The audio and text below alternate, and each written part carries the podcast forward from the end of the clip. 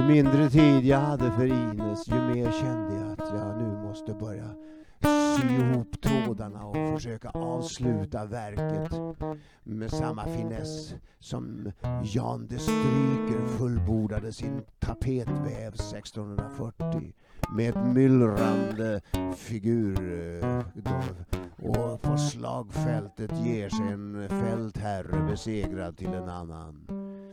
Den avslutade kampens odör av blod, svett och tårar framställd med finessen hos namnlösa kvinnor som arbetade med vattstenasspetsar och spetsar point de malin, point de alulgien, point de rosalie och point de venise. Det gällde att hålla ordning på trådarna. Jag kunde stanna upp och studera vävens konkreta trådmyller och kände på det sträva tyget. Vilket mäktigt hantverk. Tusentals timmar av handarbete. De stora vävarna var ett fascinerande mellanting mellan konst och konsthantverk. Liksom mattorna och spetsarna tänkte på den stora tysta och väluppfostrade massan av tystlåtna och duktiga kvinnor. Idoga och välorganiserade. Som höll alla rena och hela.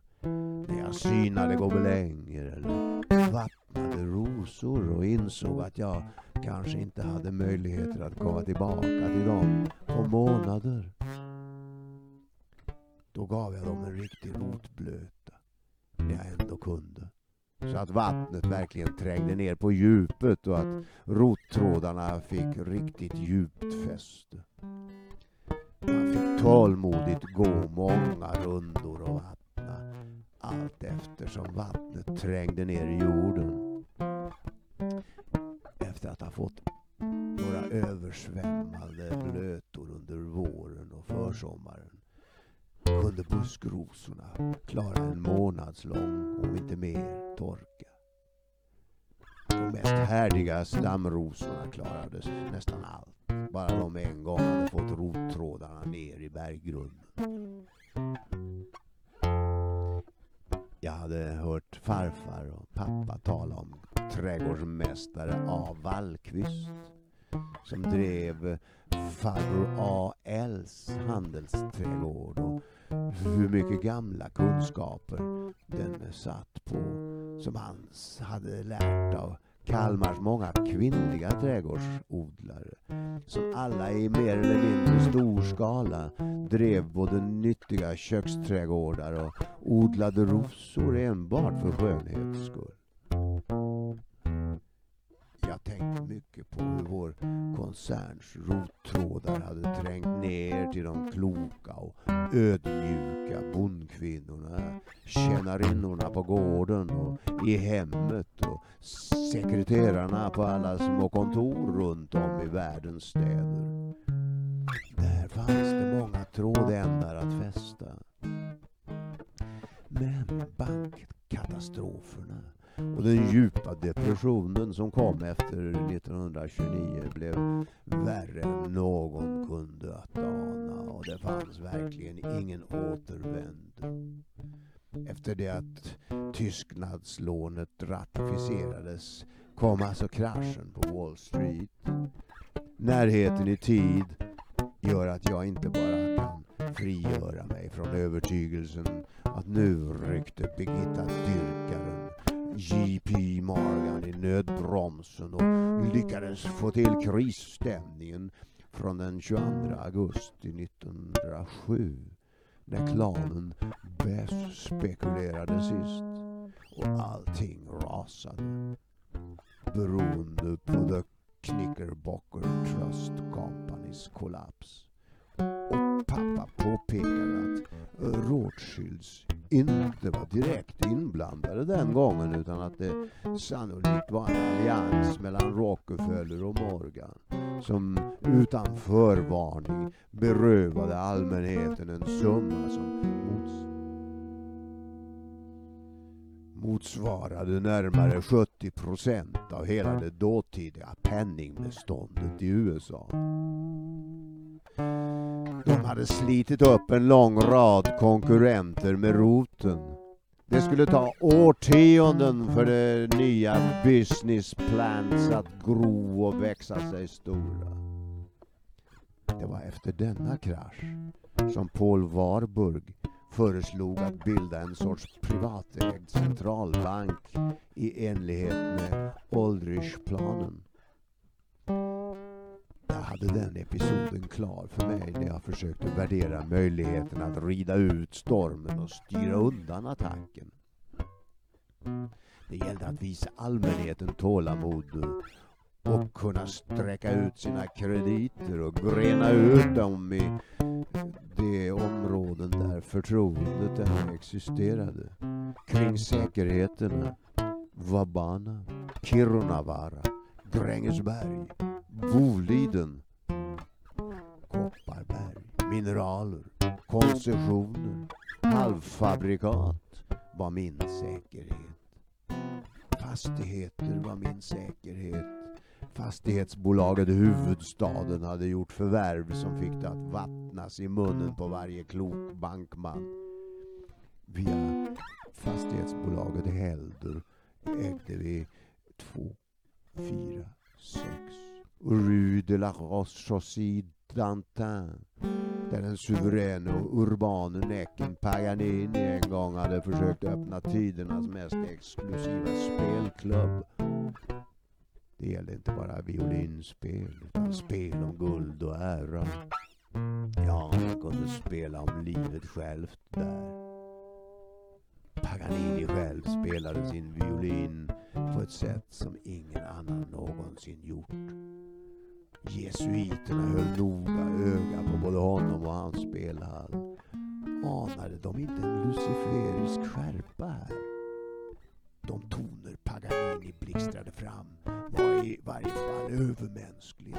Sådant måste man hålla ögonen på och hemligen avlyssna. Paganinis spelhall kraschade följaktligen snart och Paganini själv förlorade allt han ägde. Inte ens hans älskarinna Elisa, Napoleons kära syster och storhertiginnan av Toscana kunde hjälpa honom. Vi ägde tre Rue du Helder. Förutom de två fastigheterna vi hade på plats men de invid eh, utrikespolitiska institutets byggnad.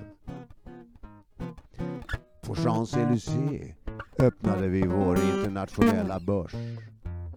Fransmännen gjorde stora ögon när LM Ericssons ingenjörer monterade upp sina mest avancerade telefonväxlar där och vi erbjöd parisarna radiokontakt och möjligheter till handel på alla världens större börser. Vi gjorde kvarteret Rasten till en juvel i Stockholms mitt.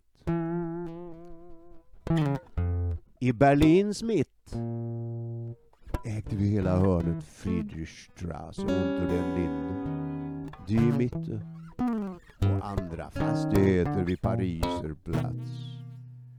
Via Société Financière pour Valeur Scandinave en Suisse ägde vi en lång rad fastigheter i Genève. Jordal ägde dessutom fastigheter i New York, Chicago, Philadelphia och lite varstans åt mig. Vi kunde därmed hålla ut genom att bland annat övergå från långfristiga lån till mer kortfristiga. Och de tidigare osynliga reserver vi tog fram gjorde Morgan och hans allierade den gången rätt förtörnade. Paris var det vissa Dreyfus-intressenter som drev spelet. Sankt Fallbankens bankvalv penetrerades av dessa rövare i aristokratiska uniformer. De nedlät sig till vad som helst. Jag fick tag i en hel del dokument som visade hur hela spelet lades upp. Doktor Lekander hjälpte mig när det gällde den svenska hemmaplanen. Och han fick fram bevis på hur herrar Persson och Frankenthal arbetade och att de jobbade för Dreyfus. Det sorgliga var att ambassadör Kollontaj, som med sin vidsyn och intelligens borde vetat bättre, bistod i kampen mot mig. Hon såg mig som först och främst kapitalist. Att jag och hon var ense om pacifismens och kvinnofrågans väsentligheter bortsåg hon ifrån gav klartecken för rent kriminella metoder där hot och skrämsel var vardag. Där kvinnliga agenter med rätt utseende användes som kunskapare i enlighet med metoder som borde ha fått henne att rodna ända in i sitt eldröda inre. Men mot den yttersta orättvisan må man ju på något vis slå tillbaka. Slå tillbaks Babe Ruth. Satana Perkele. Terror var en effektiv metod att få det man ville. Finnarna var värre mot varandra än mot ryssarna därvidlag. Kollontaj mor var en sprängrik finländsk timmerhandlardotter. Hennes far var en av tsarens generaler. Hon själv kämpade mot kapitalism och krig. Freud hade säkert en hel del att säga här om de omedvetna drivkrafterna. När finländare tog ihjäl tiotusen finnar efter det att Finland blivit fritt. Terror och intellektuella mot alla som hade ett större hus med utsikt över de finska vikarna. Gamla historier av förtryck och uttryck. De som hade löpt med ryssarna under hundra ockupationsår var ju mycket lite populära när Finland äntligen blev fritt. Nationen var i sin frihet splittrad. Förändringar var nödvändiga och måste vara verkligt genomgripande. Men terrorn var brutal och för en humanist omöjlig att acceptera. Jag tyckte alltid det var bättre att försöka med förhandlingar och merkantila problemlösningar. Något jag försökte i Ådalen. Beklagligtvis var jag för långt borta från själva krisområdet och lyckades inte hindra de aggressiva och hänsynslösa per telefon. Amerikanerna hade varit om möjligt ännu mer oförsonliga mot varandra. Efter frihetskriget kom inbördeskriget där också. Först frihetskriget mot rödrockarna som inte bara ville ha tull på te. De ville hindra nybyggarna att jaga rödskinnen i, ut i Stilla havet och förbjöd vidare kolonisation västerut samtidigt som Frankrike bekrigades och John Law och därmed Orléans kapitulerade.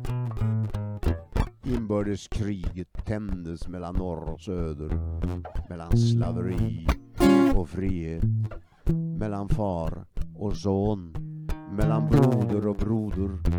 En helt bisarr våldsvåg av slakt och pina drog över Nordamerika innan det skulle bli lugn och ro igen. Och stora skördar, stora städer, många stålverksproduktion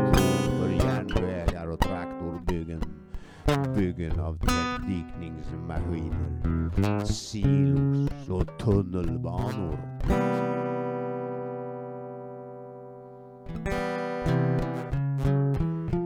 Jag bjöd på några cocktails och lät de skandinaviska lagarna gälla i min vintergarden. Och den väsentliga frågan var den, varför ska det vara så svårt att få hårdingarna att välja lönsam fred i Europa? Våra investeringar har den snabba profiten som enda mål. Vi vill ha högsta möjliga ränta.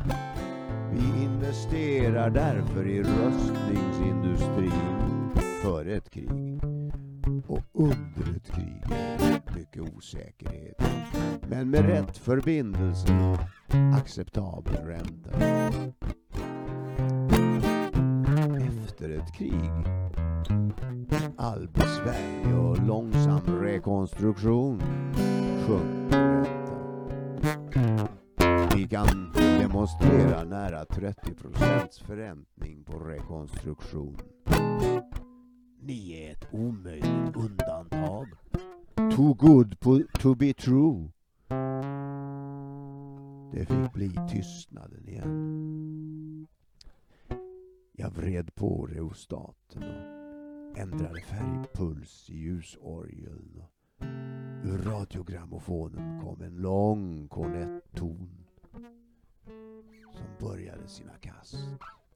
Hoppade hit och dit och vred sig in i de mest oväntade klanger. Kryger och tolv låter tystnaden tala. Stora utdelningar och små ord. Under åren innan blixtnedslaget hade jag uttömmande samtal med såväl unga som gamla fredsaktivister. Den österrikiske pacifisten och författaren greve Kudnove Kalerki kom in i det sista, gjorde allt i hans och den av honom inspirerade och paneuropeiska unionen för att stödja oss. Den unge konjaksbaronen Jean Monnet var på vår sida. Liksom Fritjof Nansen och den politiske nestorn Aristide Den sistnämnde var den verkligt store fredsoptimisten. Efter det att Tyskland hade gått med i Nationernas förbund i september 1926 höll han ett glödande tal och sa Gevär och kanoner hör forntiden till. Denna dag kommer att stå fram i historien som en inledning till en ny era utan krig. Vi diskuterade i denna anda och prövade alla upptänkliga sätt att etablera den europeiska enhetstanken. Europa och kanske hela världens framtid låg i att göra det rätta valet mellan intelligent framsynthet och ointelligent trångsynt nationalism. Vi la ner störst arbete på att få fram ett avtal med sovjeterna där de erkände åtminstone en del av det tsaristiska Rysslands europeiska skulder. Den fransk-ryska kommissionens ledare De Montsi, presenterade en plan som innebar att sovjeterna kunde lösa in de så kallade tsarobligationerna till 20 procent av det nominella värdet. Högsta Sovjet tyckte det var ett acceptabelt pris för europeisk vänskap. Men inte ens de mest fördelaktiga villkor kunde få Stalin, som just vid den här tiden hade etablerat sig som en de facto diktator, att mjukna. Vi sviker aldrig världsproletariatet, morrade han. Varför skulle vi betala tillbaka ett enda kopek av att tsaren förslösat under sin förtryckarregim? Vår man i Sovjetrysslands inre maskineri, Londonambassadören Krasin, som lyssnade på både mig och Achberg, dog enligt Londonpolisen under mystiska omständigheter mitt under långt gångna förhandlingar med oss om att skapa förutsättningar att sanera den katastrofala sovjetiska ekonomin. Londons högfinans insåg att förhandlingarna med Stalin definitivt var över när Krasin bas bort. Jag hade trots dessa mina tämligen nedslående erfarenheter kommit att förstå exakt vad de hyggliga ryssarna ville ha. Vare sig de kallade sig sovjeter eller ryssar och tog under våren 28 förnyad kontakt med politbyrån. Vi ordnade en serie möten i Nizza. Jag hade fått klartecken från Jordal, Schele, Fränkel och de la Falierie att de tekniska omständigheterna var gynnsamma för att emittera ett sovjetryskt statsråd. Jag hade fått klartecken från de Montsy att den franska regeringen och franska riksbanken stödde mig i de förnyade förhandlingarna. Jag dokumenterade för Fuchman, som bar Krasins sista ord till politbyrån att jag hade fått dem alla som var med på det ungerska statslånet med denna gång också. Montagu Norman eh, lovade mig att Bank of England också stod bakom, om än med största diskretion. Sir Henry Dietering och hela staben i Higginson stödde oss fullt ut. I själva verket var det världshistoriens största finansiella syndikat som stod bakom oss när vi erbjöd att ställa en miljard dollar till Sovjetrysslands disposition mot en mycket låg ränta, monopolrättigheter på socker, te, tobak samt rätten att exploatera en del som jag hade studerat lite närmare under byggnadsåren där borta. Med en miljard dollar skulle de kunna lösa sina största problem och komma igång tillsammans med övriga Europa. Det hela föll på att jag inte kunde få dem att acceptera kravet att erkänna de europeiska skulderna. Det går inte. Ingen av oss överlever ett sådant erkännande. Tyvärr, kamrat Kryger. Vi måste avstå från ert ofattbart generösa erbjudande om inte ni kan avstå kravet på att vi ska erkänna tsarobligationerna. Det spelar ingen roll om det blir 5 eller 20 procent av det nominella värdet. Det är en principsak som vi beklagligt nog inte kan påverka i dagens läge. Det är en principsak för alla civiliserade stater att man betalar tillbaka gamla regimers skulder. Ni blir isolerade. Hur ska ni klara det? Det sovjetiska folket är berett till stora offer för sin nyvunna frihet, skriver kamrat Stalin i det här telegrammet. Han ber oss framföra att den första femårsplanen ska bli färdig på fyra år. I den planen ingår inte några utgifter för tsarens kriminella felsatsningar.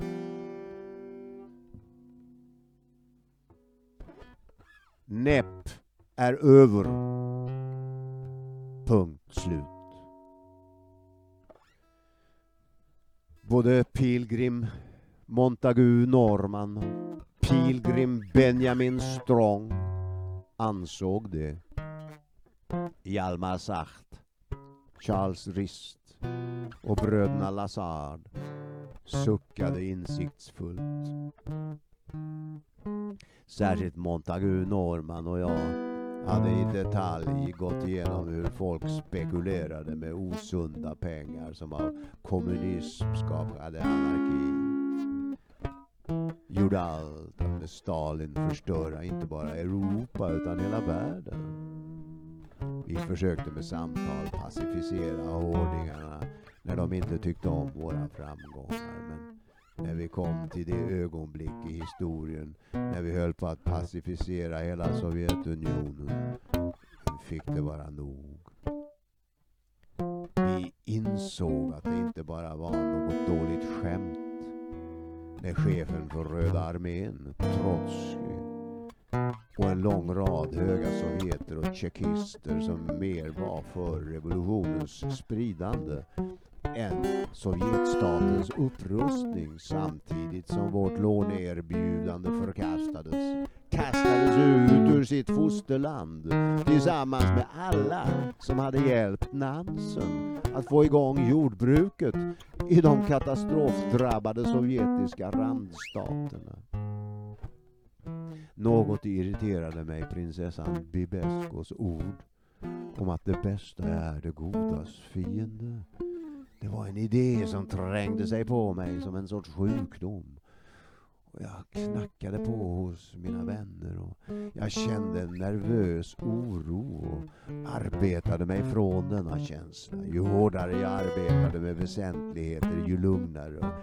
Det förstod sannerligen inte Ingeborg i vars närvaro nervositeten tilltog dramatiskt och särskilt den nervösa aktiviteten i bålen vulkaniserades. Jag gjorde visiterna korta. Jag for genom hemstaden som mustascherna fladdrade och skummet yrde. Snart var jag i London igen. Ja, det hände verkligen en hel del. Ja, Ivar, det är som om vi får äran att smaka verklig makt. Men visst skrämmer man kanske en del med allt för mycket lycka i sina metoder. Nåja, vi lyckades dåligt med Stalin. Men jag tror att vi klarar det här ändå. Med Aristide Briands optimism som jag vill jobba med och inte med the bloody Mussolinists with whom everything looks black. Det är märkligt Ivar. När du säger det tror jag dig. Vi ska arrangera det bästa ekonomiska klimat världen någonsin skådat. Ja, men det kan ju bli farligt nu Ivar. Tänk dig noga för. Alla har varnat mig. Jag vet vad det handlar om. Jag kan inte göra annat än det jag gör. Vem skulle annars göra det? Adolf av Teutonien. Det kan du väl inte tro? Att hans klimat blir bra för andra än möjligen vägbyggare och krigsmaskineriet. Det räcker långt det du. Och Hjalmar säger att det mycket väl kan bli full fart i Tyskland. Han har redan gått i pakt med Stalin. Det är Aschberg mannen att berätta. Jo, men de har ju inte mycket annat än knytnävarna och överstarna. Vem har generalerna? Du? Plats för skratt. Jo tack, jag har husbyggarna. Och så har jag järnet. Och med det kan man komma långt i vänskap med dem. Eller snarare, de vill bli ens vänner vad man än själv känner. Du har många vänner, Ivar. Du också, Montagu. Ni pilgrimer är ju väldigt många och goda vänner. Vill du också bli pilgrim? Eh, är jag inte det redan? Jag och heliga Birgitta arbetar på samma sak. Sedan urminnes tider. Peace. Ja, exakt.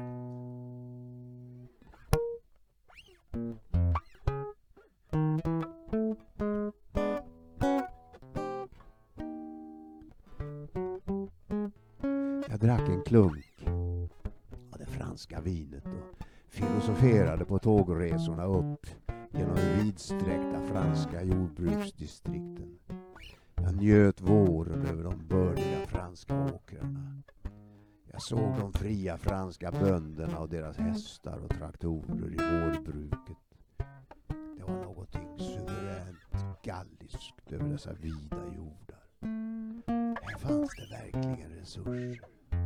Så välorganiserade dessutom att inte ens Robert Spierre hade kunnat förstöra dem genom att befria den franske bonden.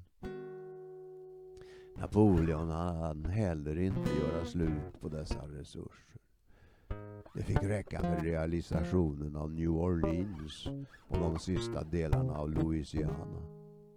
Så som hans general realiserade Finland. Ryska jordarna, som ställvis var ännu bördigare, skulle plöjas upp av ännu friare jordbruksarbetare efter att bönderna var slutligt befriade och Fords traktorer i massor rullat av det löpande bandet och upp och ner från långa rader av lastfartyg som gått genom Bosporens och Dardanellernas smala och synnerligen riskabla farleder. Det marxist-leninistiska experimentet var med Stalin en horror. Bygget var, förutom att det var omänskligt, för stort och otympligt. Vår lösning skulle ha varit den bästa. I varje fall för de oräkneliga bondesläkter som skulle utplånas från jordens yta och vars befriade slavar var deras svält. Svälten var fundamentet i Stalins planläggning. Kanske var det rena tillfälligheternas spel igen. Att han råkade hinna färdigt med sin plan samtidigt som min värderades av politbyrån. Det var mycket tal om förnuft och raka linjer i Stalins planläggning. Men han var som Elilisitskis hammare hängande över alla fabrikörer som inte fabricerade vad han ville ha. Tillfälligheter. På Atlanten samtidigt skeppet Titanic och isberget. Skeppsbyggarna fick till Rothschild som ville försäkra det osänkbara skeppet. Även om konstruktörerna hävdade att det egentligen var onödigt. Ritningarna på det bästa och säkraste skepp som någonsin byggts förevisades. Rothschilds konfererade internt några dagar och tackade till investorernas häpnad nej. Lloyd stod istället med glädje det närmast oemotståndliga kontraktet höll därmed på att gå under dem också. Jag beundrade Rothschildernas osannolikt goda näsa för affärer.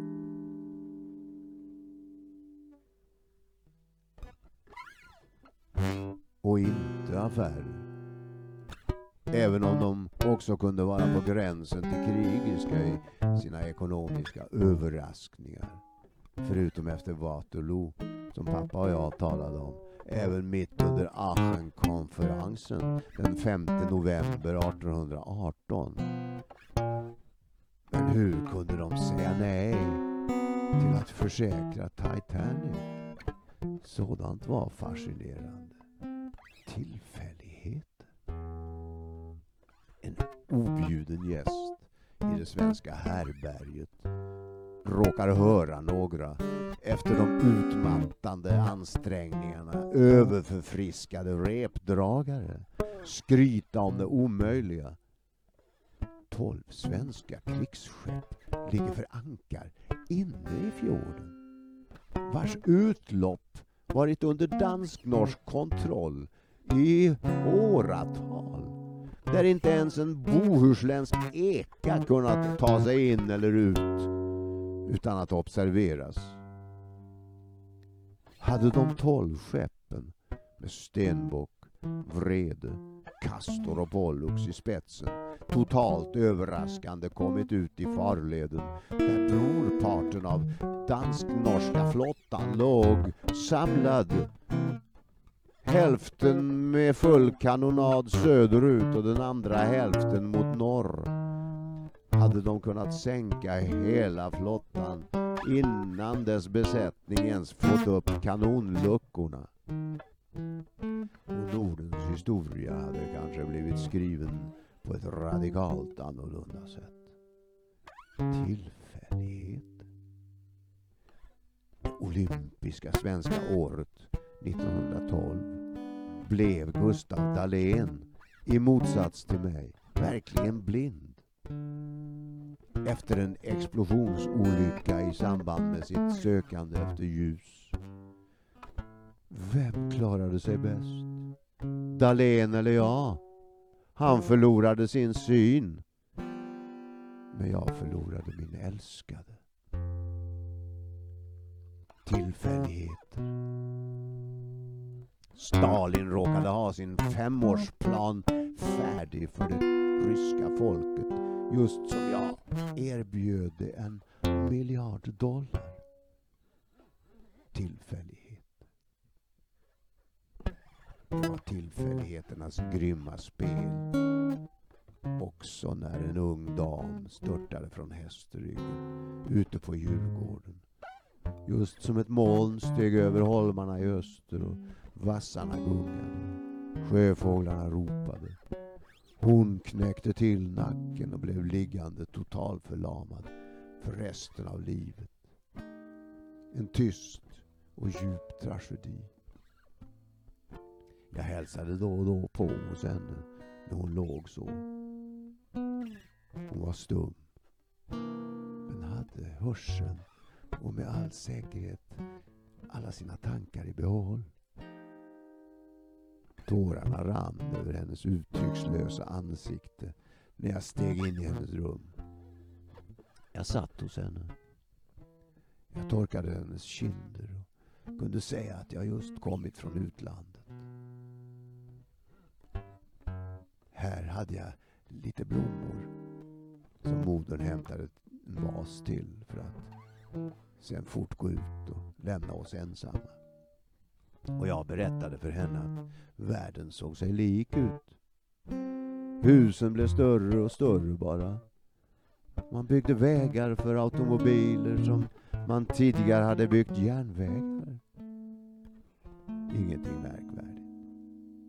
Eh, jag kände det lite penibelt att försöka få henne att känna att hon inte gick miste om så väldigt mycket samtidigt som jag försökte berätta något som piggade upp henne tiotalet strömmade förbi den här unga damen utan att hon fick vara med. Annat än med mig kanske. Jag var händelsen i hennes liv. Jag tog det som ett ansvar fick tid att då och då göra mina visiter. Jag lyfte hennes lilla välformade huvud och höll kroppen koppen mot hennes mun. Hon drack sitt iste med en överraskande aktivitet. Med tiden fick jag se djupt in i olyckan. Hennes föräldrar berättade om den där dagen ur alla tänkbara vinklar. Och vad de borde ha gjort för att det skulle ha gått på ett annat sätt. Vi kunde sitta i deras kök och själva ta en tår på tand och se ut över vassruggar och ekbackar. Flickans rum var tyst. Hon grät inte. Jag var där, hennes händelse. Hon drabbades av ett futtigt skrämskott som fick hästen att stegra sig. Hon bröt nacken och föll ur tiden. Hon blev liggande som i skärselden. Hon såg mig och jag såg henne. Jag såg att hon tänkte klart, vanligt, bakom sin stumma lamhet. Och hon blinkade med ögonlocken och följde mina rörelser med blicken. Och jag surrade på lite om Svenska Baletten i Paris och vilken succé de gjorde med den enastående Jean Berlin i lika galna språng som Karina Ari i Sköna. Hon hade varit mycket intresserad av ballett. när jag nämnde Karina Ari fick hon en något skiftande ton i sin iris och pupillen minskade och vidgades igen. Jag berättade om den stora succén Svenska Baletten gjorde på Champs-Élysées och att människorna strömmade dit från när och fjärran och bara baxnade. De modernistiska konstnärerna anlitades som kulissmålare. Francis Picabia, Jean Cocteau, Fernand Léger, Nils Dardel, Einar Nerman. En film av Marcel Duchamp och Man Ray kunde visas mot Fondvägen. En sportbil körde under en föreställning rakt över scengolvet. Hennes ögonlock slog och hennes iris pulserade. Men hennes ansikte var lika uttryckslöst som tidigare. Alldeles utslätat och blekt. Hennes vackra kropp var fullkomligt stilla. Jag satt bredvid henne och bara pratade. Flera timmar kunde gå. Jag kunde berätta om mina möten med de andra musikerna, dansarna och målarna som var med kring Svenska Baletten. En del av dem klarade inte jobbet utan åkte hem igen och pressen kunde ibland bli för stor. Karina Ari svävade dock över allt och alla och blev bara bättre och bättre. Jag tog fram mina nyinköpta akvareller och visade henne. Hennes ögon rörde sig lystet det drog för ett ögonblick en skugga av livsglädje över hennes vaxartade ansikte. Där var Anders Zorns ljuvliga akvarell från Cadiz. Där var hans etsningar, de allra läckraste miniatyrer. Olja på små pannåer. Jag bläddrade sakta igenom bunten. Zorns ofattbara glans i vattenytan. I ett öga, i fuktig hud. Hon sa ingenting. Hennes ögon slöts till sist och jag la ner akvarellerna och trycken i min portfölj och Zorns små oljor i ett speciellt läderfodral. Hon öppnade ögonen igen och jag började berätta om Anders och hans bravader. Jag berättade om Liljefors och Larsson. Om de svenska konstnärernas liv och leverne. Ofta var de i Paris och målade sitt fosterland och sina modeller därifrån så vackra att de var en fröjd. Kärleksfulla studier av hemtrakter och kända kvinnliga partier. Hon verkade nästan kunna skratta där inne i sig. Jag var hennes händelse. Ja, det var ett både lätt och tungt ansvar jag tagit på mig. Jag fortsatte att breda ut texten för henne. Liljefors var en helt benådad konstnär som kunde transformera verkligheten till något som nästan var lika verkligt. Ögat hade något lätt och njutbart att fara fram över Man känner att man har något att vara stolt över när man betraktar dessa små västerverk. Man förstår att man har bra ögon, så skarpt och naturligt allt ser ut. De vilda djuren, fåglarna, nära och tydligt. Man blir liksom häpen över själva optiken i sina egna av naturen givna ögon. Du förstår mig va? Men det är ju inte säkert att vi ser samma bilder. Du ser någonting annat än vad jag ser. Eh, det är nog så, men om jag berättar vad jag ser kanske du också ser det jag ser. En kort stund i alla fall. Och kanske även när jag har gått härifrån. Jag hoppas att det är så. Och du kanske minns dessa bilder som konstnärerna målar. Rosenius, Bauer, se Och jag tog fram några bilder igen av prinsessorna i skogens djup. Sagobilderna som Bauer tecknar vibrerar av en trollsk stämning. De sista urskogarnas. Älvorna, alferna, de som bodde längs älvarna ursprungsfolken längs älvarna. De som trillade sina trollis förbi forsarna. De försvinnande trollens sista stötar i näverlurarna. Arosenius nervösa små bilder av utsatta folkliga lägen och Einar Nermans perfekta och lugna ensträckare. Långt mer urbana än Bauers troll vid kärnorna i Tiveden. Ensträckorna kan man säga utgör konstens skelett. De målare som kunde göra en perfekt ensträckare kunde kalla sig äkta bildkonstnärer även om de inte alltid gick att se någon skillnad mellan en usel målning och ett äkta konstverk. De arga revolutionära målarna kladdar väldigt mycket uttrycker sina känslor i färg. Men kan de göra en ensträckare? Se den här av den galne Josefsson. Eller den här. Hillel Hill. Det är äkta konst. Men så den här, ja vad ska man säga?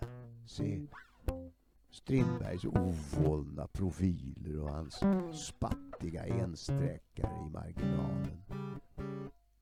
Och så får han tag i oljefärg.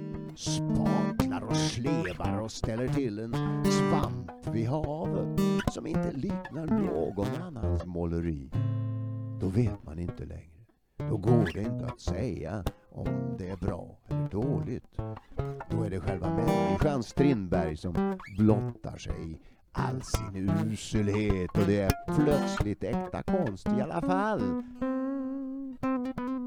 att inte fauvister, dadaister och futurister avbildar något som är verkligt, något materiellt existerande, behöver inte betyda att deras konst är fel, ful eller farlig i sig.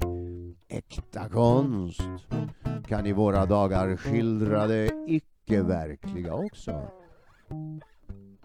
Om dessa abstrakta målare bara kan visa en enda ensträckare av klass kan man nyckla sig vidare i deras måleri och kanske finna den kärna av äkthet som måste finnas för att man ska vara beredd att inlämna verket i sina samlingar. Jag reste mig när det började skymma över Djurgården. Ovanför fotändan av hennes säng satt jag fast, en prinsessa ur de djupa skogarna med fyra häftstift som jag stack in just utanför bildens kant och klämde till utan att skada den. Jag tackade för mig. Hennes tårar hade verkligen torkat. Jag tog hennes hand och höll den en stund. Den var underligt slapp, men varm. Känslan hade hon med all säkerhet kvar. Jag hade försökt med tryckningar i handen för att eventuellt få någon respons. Men inte. Ändå kände jag att hon upplevde min närvaro. Hur än oändligt lite hon än responderade. Mamman tackade mig så mycket. Visade när hon stängde ytterdörren att viskade när hon stängde ytterdörren gråten fortfarande gick över länge efter mina besök. Jag gick genom trädgården. Familjen var välbärgad och sedan länge på det klara över sin stil och sina fördelar.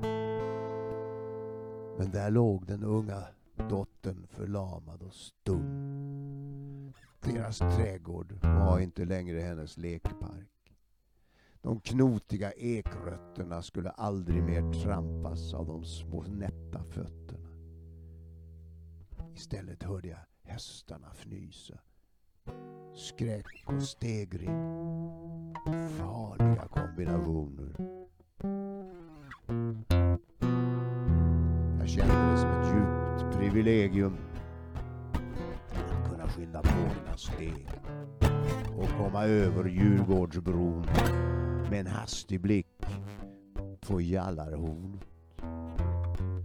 och vidare Strandvägspromenaden.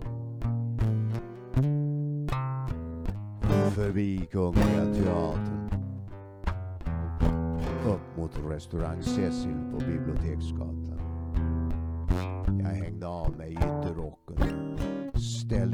portföljen och frågade rockvaktmästaren om han hade sett några amerikaner. Ja, det sitter redan ett helt sällskap vid hedersbordet. Okej. Jag gick upp för trappan. Takkristallen glittrade och servitriserna log. Jag skiftade humör och förvandlades till en annan. Njöt av detta förvandlingsnummer. Jag kunde nästan på sekunden avgöra när skiftet skedde och det var som om koncentrationen på människorna omkring mig gjorde att jag levde upp. Och jag följde med i deras tankegångar. Och vi byggde upp en stämning just i nuet som trängde undan alla grubblerier på orättvisa händelserna och det outgrundliga slumpspelet. Tiden upphörde att existera. Men utvecklingen fortsatte. Och vissa saker kan man faktiskt planera. Som när dollarn efter kriget kostade 2,60 svenska kronor. Var det naturligt? Det skulle komma en justering. Jag lyckades få ett antal bankmän att satsa på denna spådom. Vissa saker vet man kommer att ske med mycket stor sannolikhet. Solen går nog upp imorgon också. Oddsen för det är rätt stora. Men att dollarn stiger imorgon är kanske inte riktigt lika säkert. Mm. Men före sommaren, det är nästan lika säkert och så ökar och minskar sannolikheterna för att man ska kunna gissa rätt genom att man ökar informationsmängden. Ingen visste att hästen skulle stegra sig när hon red ut den där ödesdigra dagen. Någon visste att Caesar skulle falla och följas av nästa Caesar. Eller Gustav den tredje. Räckan plötsligt döda amerikanska presidenter. Det är skillnad på aktivt och passivt politiskt tänkande när det gäller dödsstraffets tillämpning. Någon visste nästan med säkerhet att statschefen skulle dö. Nämligen Brutus, Ankarström och alla de andra mer eller mindre ädla mördaruslingar och deras respektive sammansvurna. Naturligtvis hade man därmed i vissa kretsar mer eller mindre välutarbetade planer redo för det, för alla andra. När det, för alla andra än för dem, oväntade hände Sädeshandlaren Emanuel Carasso hade en plan färdig redan 1911 hur ungturkiska intressen kunde få in tillfredsställande säkerhet i oljetransporten från Baku till Suez genom att eliminera armenierna. Där utfärdades en dödsdom mot ett helt folk.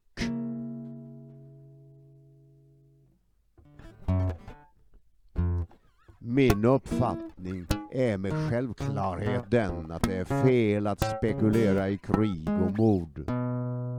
Det är att gå för långt och i fel riktning. Vi tillämpade inte under några omständigheter dödsstraffet i vår koncern. Jag sände Katleja, Symbidum, Onkidum och Odontoglossum till potentaterna och ovännerna istället. Redan mina ungdomsår var fulla av beslut som inriktades på att försöka göra spekulationerna så konfliktfria som möjligt. Onaturliga obalanser irriterade mig, men gjorde mig samtidigt rik. Bildas inte pärlor också av en liten irritation? De olika lagstiftningarna i olika delar av världen var både till gagn och till förfång. Ibland det ena och ibland det andra. Och vi förvarade våra oinvesterade övervinster i Holland och Liechtenstein där den svenska ekonomiska lagstiftningen avfattas som föråldrad och trög. Vi agerade absolut oengagerat i Bombay där vi mer och mer kom till den övertygelsen att Englands herravälde var på väg mot en djup kris. En del av mig avskydde insikten men denna avsky hindrade mig inte från att anpassa mig till verkligheten och fatta beslut efter den rationella kalkylen att det var USA som växte fram som ledande världsmakt efter England. Världskriget var i själva verket en pyrrhusseger för England. Jag reste till Rangoon träffade affärsmannen Adam J för att säkra den fortsatta monopoliseringen av tändsticksindustrin. Jag färdades vitt och brett, i öster och väster, gärna i britternas spår. Det var en väg som alltid låg öppen. Jag stannade sålunda ofta upp i London och informerade mig om viktiga göranden och låtanden. Jag hade många vänner där. Visserligen lämnade jag aldrig hotell Savoy och skaffade något eget men eftersom jag trivdes så väl där lät jag alla flytttankar bero. Där stod en svit alltid till mitt förfogande och där fanns perfekta omständigheter för informella sammanträden med inte minst Lee Higginson och deras allierade Hambros som hade ett av Englands mest utgretnade kontaktnät och särskilt höll i de skandinaviska affärerna. Jag fick möblera min svit exakt som jag ville och hänga min egen konst där. Något Sir Charles Hambro uppskattade. Det var fullt möjligt att komma och gå utan att någon enda människa la märke till det som dansade i Lancaster Ballroom. Anonymiteten var tryggad när man besökte mig på The Strand. Det var nog en förutsättning för att våga bygga broar över ismernas gränser. Även synkretisterna från Saloniki försökte bygga broar via Edmund Rothschild Charles hade dock inte så mycket till övers för den överluxuösa stilen. Samlingen franska slott och det nästan komiska hyckleriet i att förneka sionismen och samtidigt stödja dess kampanjer att investera i Palestina och köpa landområden efter landområden med framtida strategiskt intresse. Var det något man var noga med i den familjen var det att finna rätt strategiska intresse och geografiska satsningsområden. Det kunde gälla dalgångar där enda möjligheten att dra en järnväg över Alperna fanns. Det gällde områden med naturrikedomar och strategiska positioner. De påskyndade Nippons modernisering och erhöll stora royalties på dess tillväxt. De tänkte alltid stort. Oljeintresset var också stort bland dem.